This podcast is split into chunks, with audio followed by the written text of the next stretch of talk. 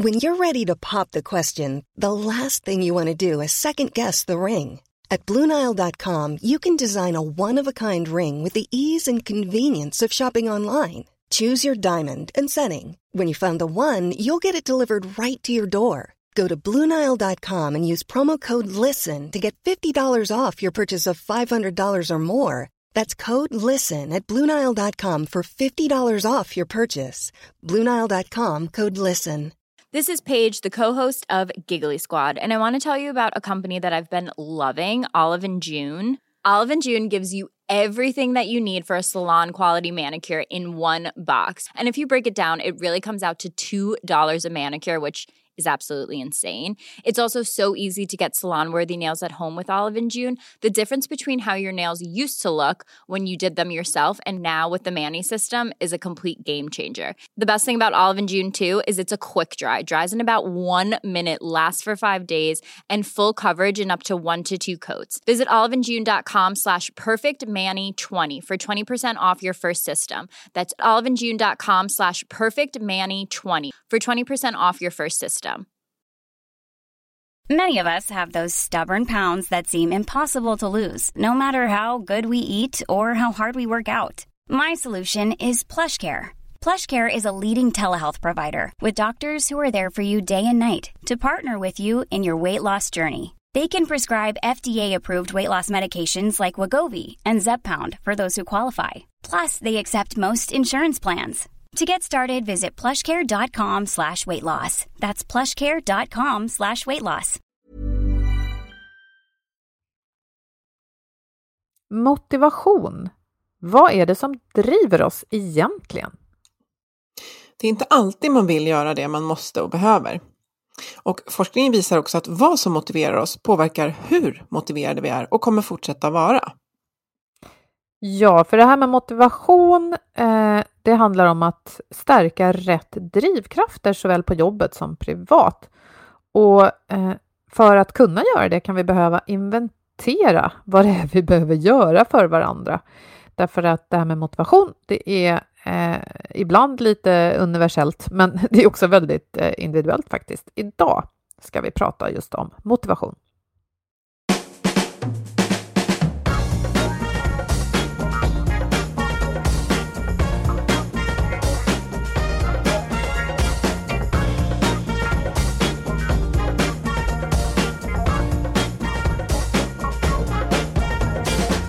Du lyssnar på Health for Wealth. Det här är en podd om hälsa på jobbet. Trots att vi får det bättre och bättre så mår många av oss bara sämre. Så kan det ju inte fortsätta. Därför tar vi reda på hur företag och organisationer kan bygga långsiktig hälsa och lönsamhet. Och börjar vi på jobbet sprider det sig ofta även till resten av livet. Vi är Ann-Sofie Forsmark, jag driver företaget Oxy Group. Och Boel Stier, kommunikationskonsult. Lyssna på oss så får du nya insikter varje vecka för dig som är chef, ledare, jobbar med HR eller är medarbetare. Ja, Boel, när vi poddade med Sofie Sagfossen som nu har doktorerat på Center for Consumer Marketing på Handelshögskolan i Stockholm, då pratade vi om att det ibland i platsannonser står att arbetsgivaren söker en motiverad person, bland annat. Och det är en ganska underlig formulering landade vi i då, eh, med hjälp av Sofie förstås, eftersom att vara motiverad inte är en inneboende egenskap, utan motivationen den är ju olika stark eller svag i olika sammanhang och jag kan verkligen reflektera över hur, hur sant det är. Att det, det beror ju på vad jag gör men också när jag gör det. Ibland är jag motiverad till något, ibland är jag det inte. Eller vad, vad säger du Boel? Mm. Och första steget är kanske att eh, lära känna sig själv. Vad är det som motiverar mig och inte? Um, och hur man kan eh, påverka motivationen. För att som du säger, det är ju ingen inneboende eller medfödd egenskap.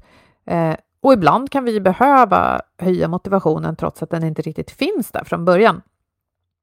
Eh, vi ska prata i det här avsnittet med Sofie Sagfossen som sagt om eh, vad det här med motivation egentligen är. Men eh, jag tar med mig en, eh, en mening som vi har från det avsnitt vi precis ska lyssna på och den är så här, motivation är en psykologisk kraft som möjliggör handling, inte en medfödd egenskap. Så det här är ju viktigt då när man rekryterar till exempel, att inte tänka åh, jag vill hitta alla de här peppiga peppiga, självmotiverarna. Mm, nej, men inte riktigt så. Sofie kan lära oss mer om det här. Mm. Vad tyckte, ja, du, ja, vad, vad, tyckte du var bäst med det här avsnittet när, när vi spelade in det för två och ett halvt år sedan, Ann-Sofie? Nej, men det, det var just att det, var ett, det satte ord på och var kvitto på så känslor som man kanske inte konkretisera för sig själv. Vad är det som, vad är det som driver mig och vad ökar min motivation? Och eh, jag, när jag inventerar vad som driver mig, jag hittar ofta hjälp, eh, eller hittar med hjälp av definitioner av eh, Daniel Pink heter han. Han pratar om play, purpose och potential. Och play är ju att ja, men det jag gör är i sig väldigt roligt. Eller purpose, det känns väldigt meningsfullt. Ibland är ju, bockar ju en eh, aktivitet av flera av de här, men sen också potential. Och då, och då tänker jag ofta främst på till exempel när man pluggade till en tenta, när man pluggade att själva tentan i sig var inte, den kanske inte ens kändes meningsfull, men jag visste att gjorde jag den så hade den potential att leda till någonting annat. Men jag vill också reflektera över det att det kan också vara att så här, ja, men jag kommer få eh, jag kommer få betalt för det här. Ibland är det ju så att ja, men det här är, om jag gör det där så får jag eh, betalt. Och jag känner mig väldigt lyckligt lottad över att ha en grundförväntan om att jag i mitt arbetsliv får en ersättning för det jag gör, men det är inte det som, som driver mig eh, om dagarna. Och vad man än tar sig för så kan man vara bra att hitta den här inre, alltså att det är kul, att det har potential, att det känns meningsfullt och sen kan man fylla på med yttre belöningar också och att de, de kan faktiskt hjälpa varandra. Mm. Eh, det är ju så att i det här avsnittet så pratar vi om det här med yttre och inre motivation och vi vet att det pågår en debatt om huruvida den distinktionen tillför så mycket värde eller inte, eller om det verkligen är så att man kan dela upp eh, motivation på det sättet. Vi tycker ändå att den diskussionen eh, har ett värde för att det är viktigt att då och då reflektera kring att nej, men det är inte bara lönen och de här yttre ramarna som gör oss peppade därför att lönen kommer bara en gång i månaden. Och vi som har pratat mycket om beteendeförändringar och psykologi på sistone vet att eh, förstärkning, positiv förstärkning, det behöver vi ha ganska direkt i stunden. Jag kan dela med mig av ett synsätt som jag tycker hjälper mig ibland när jag inte har så hög motivation för något jag ska göra. Eh, och det är det här att vad är det jag kan påverka själv? Från när jag tävlade så kunde jag i och för sig ibland bli taggad av att just tävla mot någon annan. Ehm, men samtidigt så kunde jag inte, jag och mitt lag, vi kunde ju inte helt kontrollera utkomsten av det. Ibland förlorar man ju. Ehm, och då kan man tänka sig att ja, men vi tävlar också mot oss själva. Så att om vi kan se en förbättring, även om vi inte får den här guldmedaljen det här året, så kan vi se en förbättring. Då ska vi vara nöjda.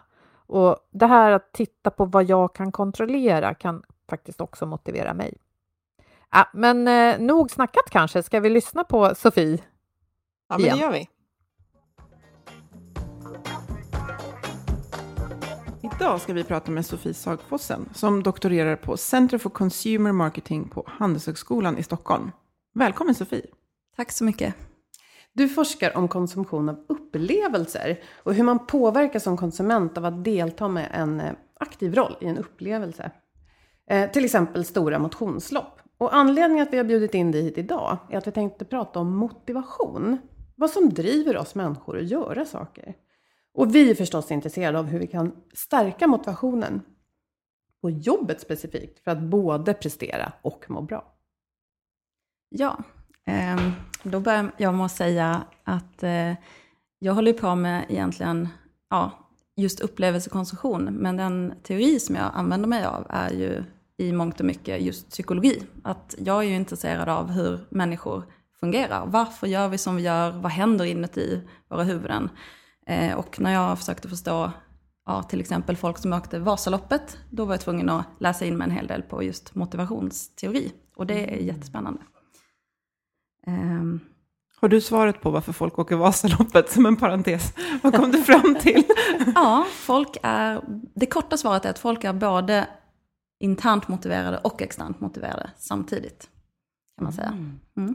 Det här med internt och externt, får du gärna utveckla? Ja, eh, men som eh, akademiker så börjar jag ändå med att bara säga kort någonting om själva grundordet och motivation. Motivation är ett ganska misshandlat begrepp, eh, känner jag, i, i våra tider. Folk slänger sig med det lite här och var.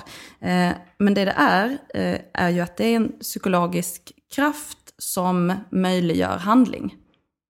Så, väldigt kort. Mm. Och sen kan vi då säga vad motivation inte är. Det är inte något allmänt karaktärsdrag, som många verkar tro. Jag hittade ett ut, en rapport från akademin som hade kartlagt 200 000 platsannonser. Eh, och då hittade de så här, motiverad, engagerad, ansvarsfull, kommunikativ och flexibel. Det är den perfekta medarbetaren. Och det var alltså samma egenskaper oavsett bransch och yrkesroll. Och just det här motiverad, då får man ju det att låta som att det är någon slags allmän egenskap. Så man mm. går runt och bara är, ja, jag är liksom 78% motiverad eller någonting. Det, men så funkar ju inte motivation. Utan eh, som sagt, det är en psykologisk kraft som möjliggör handling. Men det är ju också alltid i förhållande till någonting, alltså till ett mål. Alltså är jag motiverad inom området träning? Ja eller nej kan ju det vara. Är jag motiverad för en viss typ av arbetsuppgift? Ja, då kan man ju ha hög eller låg mängd motivation. Mm. Det är det ena. Eh, och den andra delen är ju att en, en den här ja, kända teorin då, eh, som heter Self-Determination Theory. De har då, som är ganska gammal och etablerad, eh, de har också börjat skilja på olika typer av motivation. Så det finns inte bara en sorts motivation, utan det finns Eh, i grova drag två sorter. Och den ena är då inre motivation, eh, intrinsic på engelska. Eh, och den andra sorten är extrinsic, eh, det vill säga extern motivation. Eh, och när man är den inre motivationen, det är ju den fina, rena typen av motivation. Och det är egentligen att man gör någonting för dess egen skull, oavsett konsekvenserna. Så man gör inte någonting för att uppnå någonting annat, utan man gör någonting bara för att det i sig är så pass belönande för en själv. Så pass roligt, så pass absorberande, ja vad det nu kan vara. Så att om jag går ut och går på en lång promenad i solen för att jag bara tycker att det är skönt, då är det drivet av en inre motivation. Mm. Medan om jag eh, inte gillar att träna, men jag köper ett gymkort och anställer en PT som tvingar mig att träna varje måndag klockan sju på morgonen, trots att jag inte alls gillar det, ja då är det eh, externt motiverat. Då har jag liksom en kontroll som kontrollerar vad jag gör. Och jag gör det för att uppnå någonting annat. I det här fallet kanske bättre kondition eller någonting. Men vad intressant, för nu låter det ju när du säger så, som att vi faktiskt behöver både den inre och den yttre. För, för jag tycker ibland så blir eh, diskussionen om sånt här lite förenklad kanske. Och, och, så är det lätt att hamna i det här läget att ja, men det yttre, makt och pengar, det ska vi inte sträva efter, utan vi ska sträva efter inre, att bli lycklig.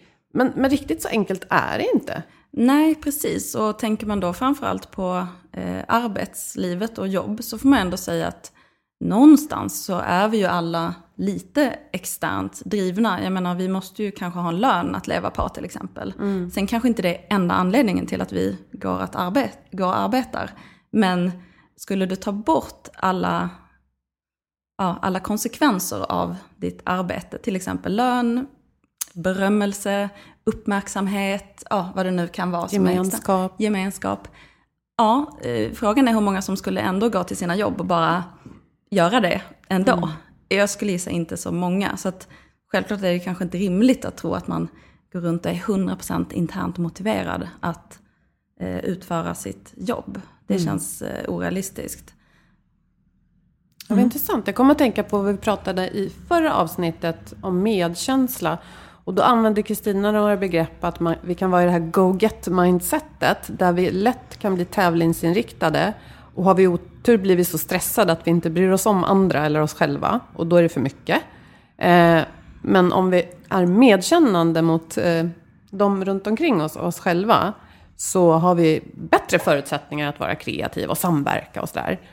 Och, men vi behöver ju go-gettet också. Och det var mm. lite som hon sa, vi har ju det i oss. Mm. Så återigen, det är någon dynamik här emellan. Vad, vad skulle du säga då att man... Ja men till exempel om man är, är chef och vill gärna se till att medarbetarna har sin inre motivation med sig, åtminstone till en del, för att mm. det ska bli bra.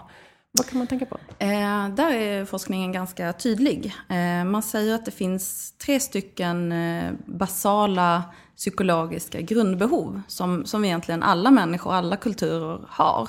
Eh, och de här tre grundbehoven, de, alla de stärker inre motivation. Så vill man stärka sin egen inre motivation eller sina medarbetares, då finns det alltså de här tre stycken som man kan jobba med.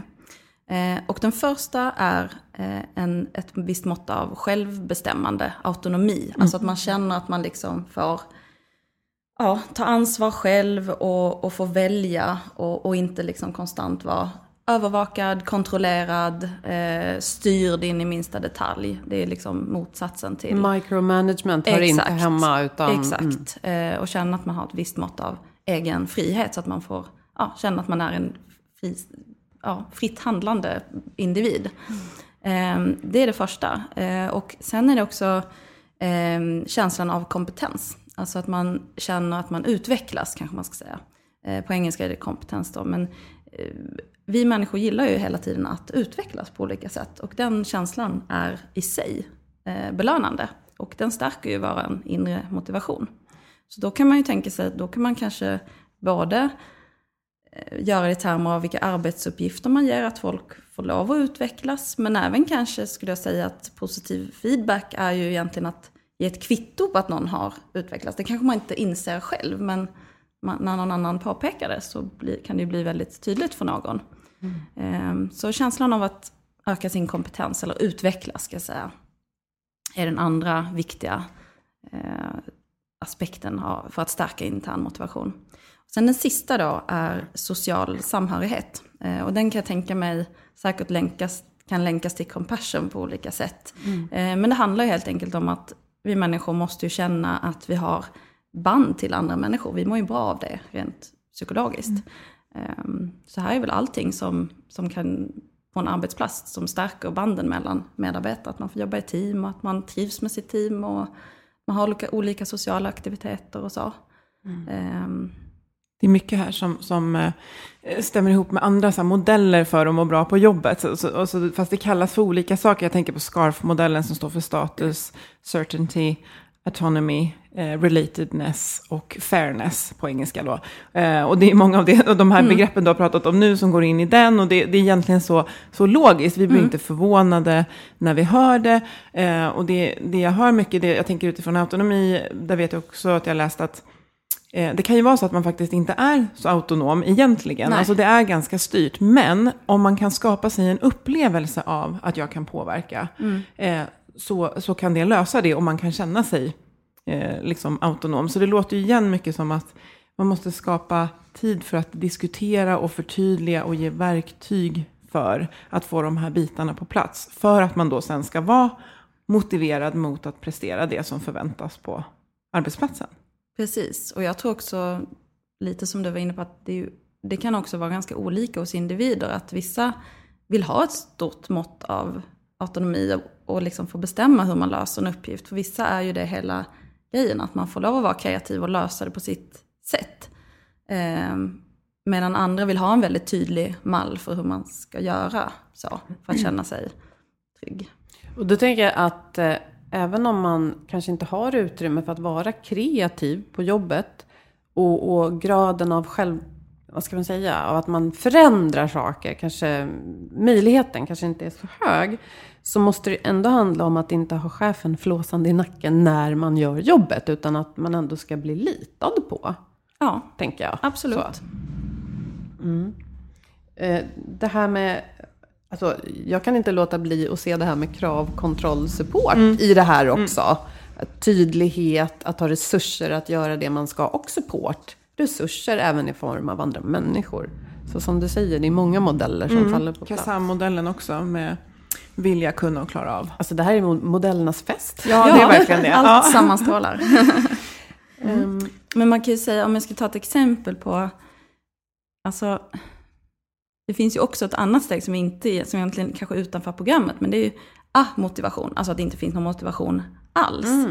Eh, det har jag sett på en del arbetsplatser när medarbetare egentligen har gått från att vara otroligt motiverade, men på grund av ja, kanske dålig arbetssituation och eh, dåligt ledarskap så har det slutat med att folk är helt omotiverade. Och, och så småningom då givetvis slutar och söker andra typer av jobb. Eh, och där tror jag man jag menar de här modellerna har funnits länge. Det känns så självklart för oss när vi sitter här och pratar om dem. Mm. Men när man går ut där så ser man att det är ju uppenbarligen inte så självklart för alla. Utan det kan ju till exempel, jag tänker väldigt mycket på ett exempel här. att Det kom en ny vd med en ny strategi. Strategin bestod i att vi ska öka vår omsättning med si och så många miljoner och si och så många procent. Ehm, och hur ska vi göra det här då? Jo, vi ska inte jobba mer, vi ska jobba smartare. Punkt. Jaha. Mm. Det är Tack väl ingen, ja, mm. det var liksom, och när alla redan då jobbar, gör sitt bästa och ja, mm. jobbar kanske ganska mycket övertid.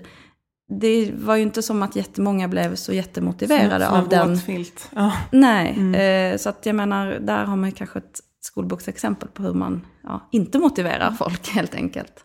Och det, det finns ju också studier på att när man fokuserar på medarbetarnas eh, engagemang, Eh, snarare än att bara peka att det är hit vi ska, så, så händer det grejer som är betydligt mer positiva. Och det, det här stämmer lite överens med den här debattartikeln i Svenska Dagbladet som kom här, häromveckan tror jag det var. Och då kunde vi läsa att många prestationsbaserade belöningssystem i arbetslivet, de hämmar kreativitet och tränger ut den här inre motivationen som du beskrev. Eh, och då jagar man ju kortsiktiga resultat, kanske då en ökad omsättning av en viss procent eller så. Ehm, Ja, man jagar lång, kortsiktiga resultat istället för att satsa på någonting som i långa loppet leder till hållbara lösningar. Som både då, ja, en vinstdrivande kan ge lönsamhet och i en annan eh, ökad produktivitet.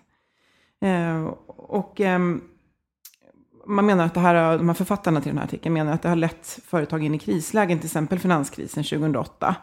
Eh, och, och de rekommenderade att man skulle minska yttre belöningar och istället öka självbestämmandet hos medarbetarna och, och lita på dem. Vad, vad säger du om det här? Ja, alltså jag vill nog säga så att det, det är ju etablerat och känt att just yttre belöningar i form av ja, till exempel pengar, betyg är också en yttre belöning. Eh, det har ju en tendens att faktiskt döda inre motivation.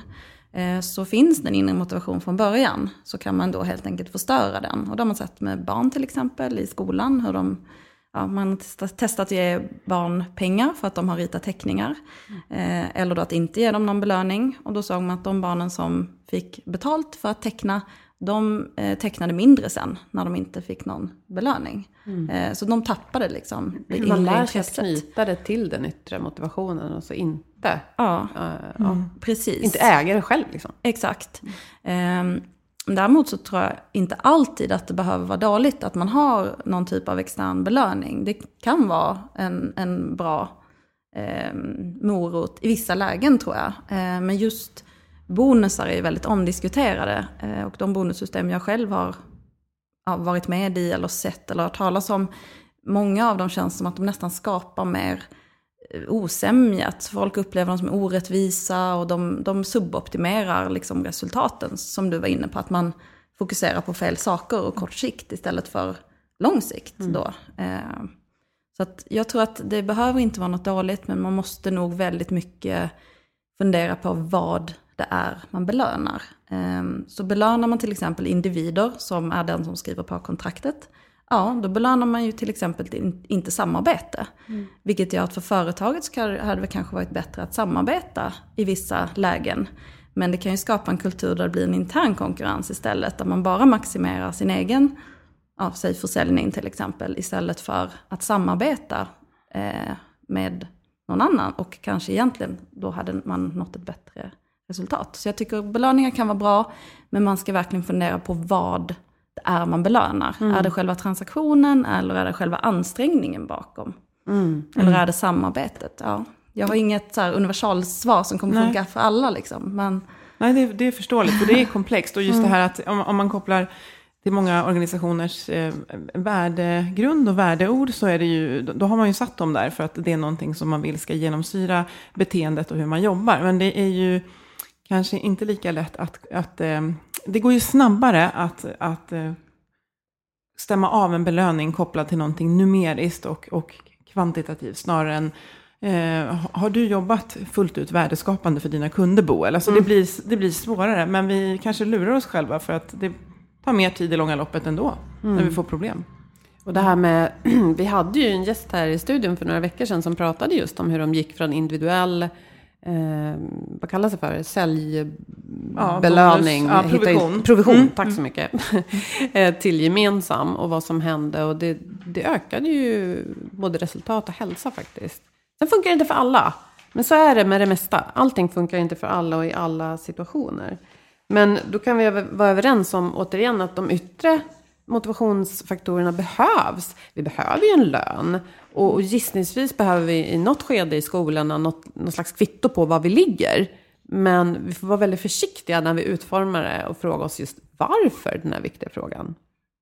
Jag tänker att ju större insikt man har också om vad en yttre och inre belöning är för sig själv så kan man spela lite med de där. Att vi har säkert saker som vi gör som vi gör bara för vår egen del.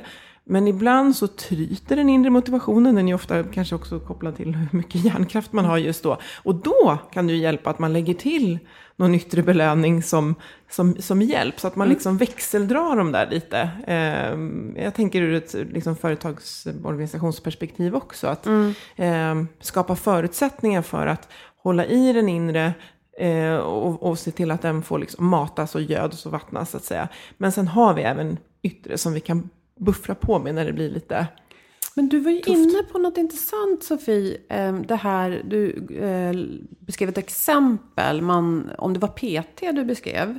Att så här, mm. ah, jag behöver ta tag i min träning, jag har ingen inre motivation. Men då går jag till en PT och så kanske också mm, så här, committar sig, eh, fult med engelska men jag hittar inte svenska ordet, inför mina vänner. Att nu ska jag då börja träna en gång i veckan. Och då kan man ju bygga upp den inre motivationen på sikt. Och det här är väl ändå kopplat till Idag pratar man mycket om grit och jävlar anamma och det finns ett begrepp som heter viljestyrka också. Precis. Mm. Vad är det? Um, vi kan börja med grit då, för det är lite kopplat till de här kanske längre målen som man har. Um, det är egentligen en forskare som heter Angela Duckworth uh, som är väldigt framstående. Eh, det finns ett väldigt bra Freakonomics avsnitt, en podcast där hon ja. pratar om grit. Mm. Den kan jag tipsa alla om.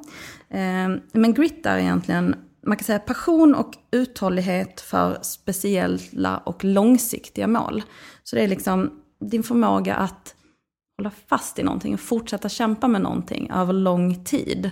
Eh, och det betyder ju inte att det alltid kommer vara smärtfritt, utan hon har tittat på allt från olympiska simmare till eh, ja, elever i skolor för att se vad det är det som driver eh, folks förmåga att stanna kvar vid långsiktiga mål och fortsätta kämpa med dem. Eh, och hon säger då att allting måste egentligen börja med eh, någon typ av inre värde. Och då är vi tillbaka till inre motivation. Alltså du måste ha ett, ett intresse från början eller hitta någonting som, som man själv gillar och ja, tycker är meningsfullt för sig själv. Sen efter det, då handlar det om att ja, ta hand om den passionen. Och det kommer inte alltid vara så att det är jätteroligt att gå ut och springa varje, dag, varje vecka året runt i alla möjliga väder, speciellt om man råkar bo i Skandinavien. Mm. Men om man har en passion för sin sport, eh, som många nu har för triathlon eller ja, löpning och alla de här extrema, då, då gör man ju det. Och eh, det handlar också om då de kallar för deliberate practice, att man ska ja, träna med ett, ett eh, en, en, mening och att man tränar liksom för att utvecklas. Mm, ett syfte. Eh, ett syfte liksom, och det är helheten. Den förmågan då kallas ju för grit. Att, ett slags sätt att verkligen se det där långsiktiga målet ja, hela tiden. Att man behåller som... sin uthållighet och passion mm. eh, för långsiktiga mål. Så grit är, och, och det här är ju saker som man kan liksom påverka själv. Mm. Eh, hade det varit något som man bara föddes med så hade det inte varit någon idé att man liksom ens försökte förstå det. Men det visar sig att gör man de här, hittar man någonting som man är lite intresserad av och känner en liten inre motivation, i alla fall initialt, mm. Eh, så kan man ju då fostra den passionen och eh, ja, komma väldigt långt inom det området. Och jag uppfattar också att det pratas mycket nu om att det här är mycket viktigare för att nå framgång än talang som vi liksom mm. ofta har pratat om förut. Som man, man föds med nästan. Mm. Alltså vi har haft en syn på att det är något inre som bara finns redan från början. Men att det går att öva upp, det är ju coolt, Mm. eh, hoppfullt och eh, vad ska jag säga, demokratiskt. Det är där för alla. Men hur gör man då? Är viljestyrka en, en del i det här? Eh, ja, viljestyrka är en annan, ett annat eh, begrepp som på engelska kallas det för ego depletion ibland. Eh, och det är en, det är en lite annan grej, det är lite, mycket mer kortsiktigt. Är, Man kan säga att det är en psykologisk resurs som finns i hjärnan som, som styr vår självkontroll, vår förmåga att reglera vårt beteende. Eh, och den här resursen då, den kan ta slut. Så att när man har gjort slut på sin viljestyrka, då kan man inte längre ja, kontrollera sig. Då fattar man dåliga beslut. Så till exempel så, om man har gjort eh, kognitivt svåra uppgifter till exempel, eh, då kan man inte motstå eh, kakan. Så då tar man kaka istället för frukt på fikan till exempel. Skulle kunna vara en sån grej. Ehm, ni kanske har hört det här om att eh, president, förra presidenten Obama och även jag tror Facebooks grundare Mark Zuckerberg, de har ju så här någon som väljer kläder åt dem och den ena har väl alltid samma kläder. Just för att inte slösa med sin viljestyrka, att liksom inte lägga ner den här resursen på oviktiga beslut utan spara den sen till andra saker som då är viktigare. Ehm, Just det här begreppet har ju, eller den här forskningen kring det har ifrågasatts lite på senare tid vill jag ändå säga. Så det är lite, själva att, att det finns och att den här effekten eh, förekommer, det, det kan vi nog enas kring. Men sen exakt hur mycket man har av den här viljestyrkan och vilka situationer som den ja, spelar ut si- sin roll så att säga, det är kanske inte helt eh, klarlagt. Men jag tror, de har sett vissa findings är ju robusta. Så. Eh, en av de roligare sådana studier som jag läst, och det var faktiskt när de tittade på folk som eh, folk som eh, var på diet, som var så kallat ja, nästan konstant dieting people, det finns ju säkert många sådana. Eh, och då folk som inte var på någon typ av diet. Och när man jämförde dem mot varandra så såg man att de som faktiskt var på diet alltid, de kunde inte motstå eh, frestelser i samma utsträckning som de som inte var på en diet. Eh, och för mig var ju det lite kontraintuitivt. Men förklaringen som de föreslog då var ju helt enkelt att de som, de som går på en diet, de går ju hela tiden runt och använder sig av sin viljestyrka med att motstå massa saker hela, hela tiden. Vilket gör att den här resursen tar slut. Vilket paradoxalt nog leder till att de misslyckas med det de försöker då göra. Så intressant. Det finns en, en, också en studie där man har låtit folk som har fått träna väldigt hårt, så det har gått åt mycket viljestyrka till träningen, och sen typ hoppa av cykel eller vad det var och försöka utföra svåra kognitiva utmaningar. Och det har liksom gått sämre, för de har ju som sagt använt sin eh, kraft någon annanstans. Så det är också väldigt relevant för arbetslivet. Ja. Eh, hur vi liksom organiserar oss eller skapar förutsättningar för att ha kraft för, för det som faktiskt ska utföras. Och vi har ju pratat om det här tidigare, just det här med att spara hjärnkraft. Eh, och, och det kan ju vara svårt att, att relatera till en president, men det är ju fullt relevant för, för en, en tuff kognitiv arbetsdag att se till att man har eh, hjärnkraften där för att, för att utföra det. Absolut. Så där kanske man kan då säga att problemet kanske inte är medarbetarnas motivation, utan det kanske är arbetsmiljön. Eh, Jag menar, dels kan ju ett kontorslandskap vara väldigt stökigt och enormt kognitivt störande. Jag tror ni skulle ha någon framtida podd om det. Stämmer. Eh, Men även liksom att bli avbruten, så den här, ja men har man en företagskultur, att man ska svara på mail väldigt snabbt eh, och när folk förväntar sig att man ska svara väldigt snabbt, då betyder det också att man ska, måste ju avbryta den uppgift man håller på med för att då svara på det här mejlet. Och bara att switcha mellan olika uppgifter tar ju kognitiv energi. Och sen tar det tid att komma tillbaka till uppgiften som man ursprungligen då försökte jobba med. Eh, Så där kan man säga att det är ju liksom en arbetskultur, ett ledarskaps, en ledarskapsfråga och en arbetsmiljöfaktor. Har ingenting med någons motivation att göra egentligen. Nej, jag tänker oavsett om det finns en policy för hur snabbt man ska svara på mejl eller inte så är vi ju benägna att gå på det här, det som senast plingar i telefonen. Dopaminkick. Ja, för åh, då kan jag snabbt svara på något och då har jag gjort något bra och får liksom ett kvitto på att jag behövdes eller hur det nu funkar. Eh, och då kan jag tänka mig att man kan hjälpa medarbetarna att sätta upp rutiner som funkar då. Eh, och det behöver ju inte vara styrande, det kan vara förslag. Att ja, men, kolla mejlen vid tre tillfällen på dagen och stäng av notifieringarna för att kunna ägna då sin motivation, viljestyrka, spara den till de här uppgifterna som är verkligt viktiga för jobbet. Precis. Det finns ju någon eh, amerikansk guru som, hade den, som uppfann det här med zero inbox. Jag vet inte om ni har hört det. Det här att man liksom alltid ska ha rent i sin inbox och alltid svara på allting. Eh, men det är, ju lite, det är ju nästan tvärt emot det jag sa nu. För det kommer ju aldrig att hända. Nej, men jag tror faktiskt han har backat lite från sina rekommendationer eh, och sina effektivitetstips själv. För han in, eh, insåg, såg jag i en intervju, att det där är ju orimligt. För att det blir, alltså, det blir som att då styr ju ens inbox hela ens liv. Att det blir som att alla andra bestämmer vad min att göra-lista blir helt plötsligt. Och det utgår inte egentligen från vad som är viktigast bland mina arbetsuppgifter. Utan Och det man blir helt bort, jag tänker på de här tre punkterna, självbestämmandet. Ja, det, var ju, det, det får ju inte check i boxen då. Känsla av kompetens, mm, kortsiktigt kanske, men jag utvecklas ju inte. Och ja, social samhörighet, men visst, men inte på mina egna villkor. eh, Om jag bara, det är jätteintressant. Du, du har ju bloggat flera gånger på det där hur du har liksom kommit... kämpar med. Ja, Ja, att kommit hem, mm, kommit Ja. hem i känslan av att det kommer alltid vara kvar grejer på listan när jag Ja. går hem. Men jag vill styra liksom vad jag gör och hur jag... Och det, det är en fight alltså. För jag tänkte just på det när du har pratat om, om, om motivation och eh, att det vi behöver ha... Det, det krävs inte jättemycket motivation att svara på ett mejl. För det är liksom servat med frågor oftast som man ska svara på. Utan det som vi ofta behöver motivation och viljekraft till. Det är de här lite längre uppgifterna som inte ger en dopaminkick var tionde sekund. För att vi, det är inte eureka moment liksom hela tiden. Utan vi ska, vi ska jobba fram någonting. Eh, och, och vi måste, eh, det känns som att vi behöver skapa förutsättningar just för att nu måste jag sitta och klura här i ungefär 25-30 minuter på bara det här. Utan mejl, utan kollegor som stör eller ihop med kollegor och vara fullt närvarande tillsammans. Eh, kan du hålla med att det är, liksom, det är ofta det är det vi ofta behöver motivationen till om vi kollar på vårt varför och vad är det vi ska göra på jobbet. Så är det ofta att utveckla någonting samtidigt som vi själva utvecklas.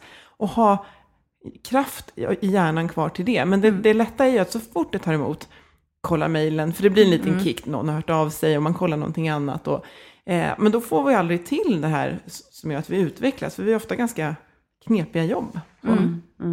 Jag tycker jag har sett en del eh, praktiska strategier som folk eh, använder sig av där för att få till Ja. de här. Folk, vissa lägger in eh, alltså egen tid i kalendern, att man blockar tid så att folk inte kan ja, kräva ens tid vissa eh, tidpunkter.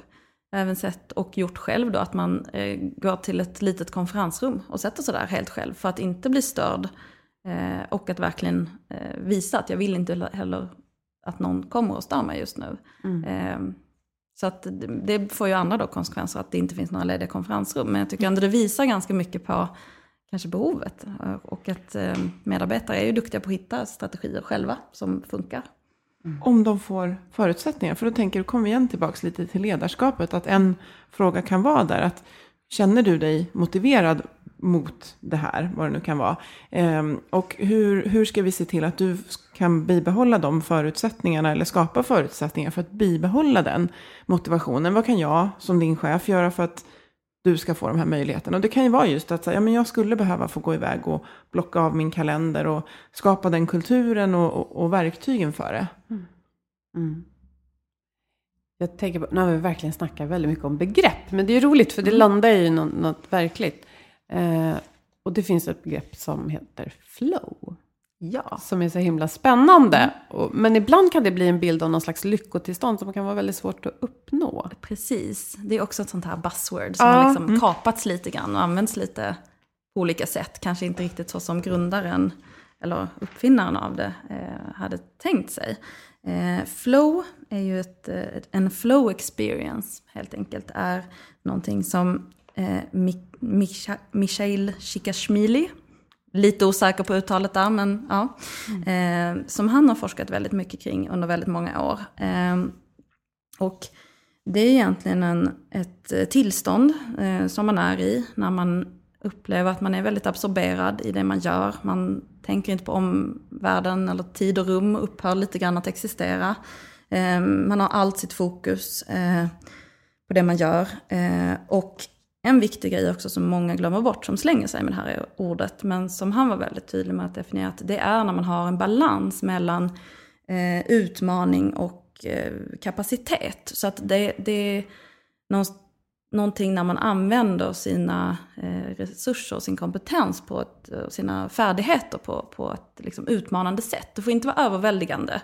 Eh, men så att man håller sig väldigt, väldigt fokuserad. Mm. Så det är liksom inte att ligga i soffan och slappa. Då är man inte inne i flow till exempel. Utan eh, kan vara, han tittade till exempel på kompositörer som satt och skapade musik i flera timmar och var inne i ett sånt här flow. Mm. Eh, jag själv kan ju uppleva det när jag hoppar fallskärm till exempel. Mm. Eh, väldigt eh, mycket så att man är i balans med utmaningen och sina färdigheter. De är verkligen maxade tillsammans. Mm. Så. Um, men det är kanske inget som är, man kan ju uppnå det på sin arbetsplats också i vissa stunder, men det är kanske inget som är rimligt att tro att man kan gå runt i konstant. Så. Och visst kan det vara så att om man börjar stressa över att man inte är i flow så blir det ett hinder i sig kanske för att, eh, för att uppleva det. Men det är ju en fantastisk känsla. Mm. Eh, vad, vad det än är man gör, man hoppar fallskärm eller att man kommer på en jättebra idé som man går in i och, och, och liksom det bara matar på i huvudet. Jag tror vi alla kan relatera till det på, mm. på olika sätt och det behöver inte vara eh, jobbrelaterat men det är ju fantastiskt om det kan ske på, på, mm. ske på arbetsplatsen. Mm. Jag har nog tur för jag känner ibland att jag har ett flow på mitt jobb. Så då, det kanske är ett bra tecken. Ja, ja grattis! Ja, och hög motivation gissningsvis. Ja, ibland, oftast. Men eh, Ja, jätteintressant. Jag tänker att de, de där tre punkterna som du nämnde från början, jag tror att det är värt att komma tillbaka till dem. Mm. Eh, ska se om jag kan summera dem. Du får rätta mig om jag halkar snett här. Att, du sa att det fanns tre grundbehov som vi har mm. och som en chef kan eh, använda kunskapen om det här för att stärka en medarbetares inre motivation.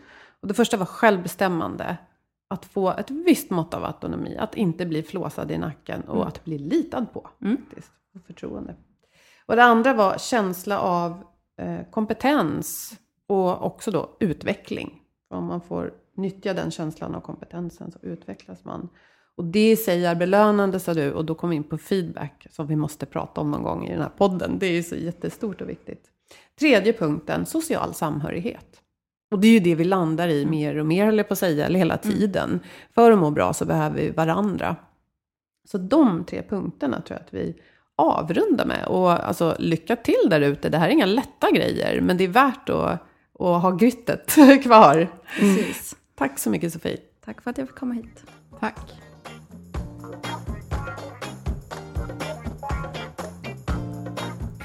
Vad kul det är, Ann-Sofie, att våra avsnitt lever så länge. Det här tycker jag var, eh, eller är, ett tidlöst avsnitt som det är jätteintressant att lyssna på igen. Vad tycker du? Nej, men jag kan bara hålla med. Alltså, ämnet motivation Eh, kommer vi ju, alltså behöver man återkomma till för sig själv kan, kan vi gissa nästan varje dag. Så att det som du säger, det är helt tidlöst och sen pågår det i olika kontext och olika nuläge hela tiden. Så nu är vi i ett nytt nuläge och jag försöker tänka eh, om vi motiveras av någonting annat idag när vi poddar eh, kontra när vi spelade in det här. Hur, hur känner du kring det? Ja, men vilken intressant fråga. Hmm. Ja, men jag tror det för att eh, just nu är det november 2020. Vi har eh, hårdare restriktioner eller rekommendationer om restriktioner. Eh, väldigt mycket av det som gör mig glad och ger mig förväntan i vardagen. I vanliga fall får jag inte göra just nu, gå på nattklubb, hänga med människor i, i trånga utrymmen och äh, men jag får inte träffa min mamma på ett vettigt sätt.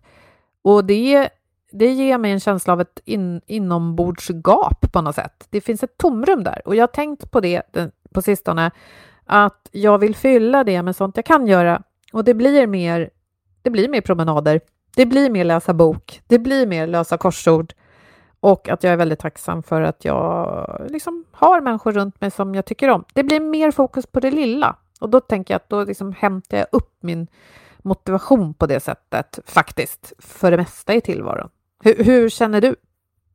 Nej, men jag, jag, jag, tänker lite som du säger, att man, man vet, eh, det känns som att du vet vad du motiveras av, men eh, modus operandus, hur du, hur du löser eh, uttrycket för det, det, det kan du inte göra på samma sätt längre, men du försöker fortfarande göra det, men på ett annat sätt. Och jag tänker ibland att man kan bara vara så klämkäck. Liksom, om du älskar att gå ut och dansa Eh, tätt bland andra människor, liksom, det, det, det, går kanske inte riktigt att ersätta just du, men, det, men du kan försöka ersätta det behovet på något annat sätt och bara acceptera att det kommer inte bli likadan. Så att, eh, jag känner också att världen på något sätt har, har ehm, eh, krympt på ett, ett det av behovsmässigt krympt för mig och jag, det blir lite både geografiskt närmare och lite mindre, men att eh, Eh, jag gillar att vara ute i skogen och det blir ännu mer i skogen, men då inser jag istället att vänta nu, jag trivdes ju faktiskt ganska bra med att ta mig in till stan och träffa människor och det får jag inte göra nu. Så att jag, jag gör note till mig själv att jag ska uppskatta det mycket mer när jag får göra det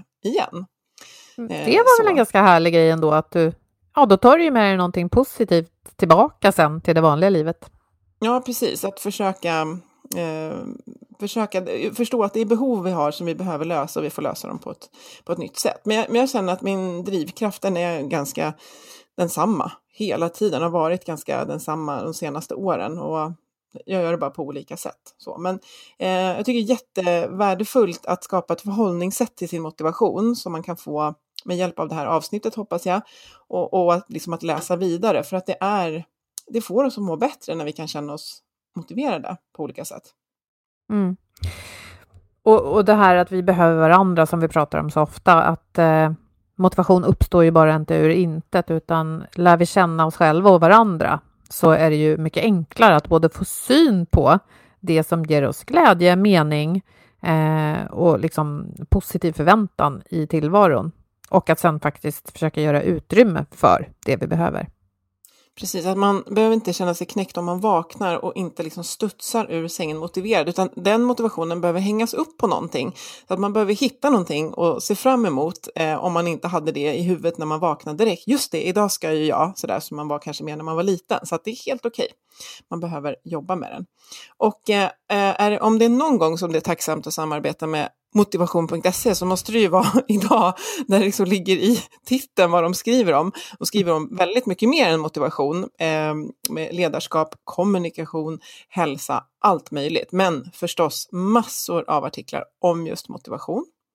Och eh, vi tänkte tipsa om en artikel idag som handlar om att skapa förutsättningar för motivation i arbetsgruppen som också kanske sker på ett nytt sätt i rådande tider. Och eh, ja, den heter helt enkelt Skapa motivation i arbetsgruppen. Vi lägger länk till den från det här avsnittets sida på vår hemsida. Och så tackar vi våra samarbetspartners Motivation.se förstås och Agda Media för den här produktionen. Följ oss gärna och prata gärna med oss på LinkedIn. Kommentera våra inlägg eller skicka ett meddelande. Så hörs vi om en vecka igen helt enkelt. Må så gott! Hej då!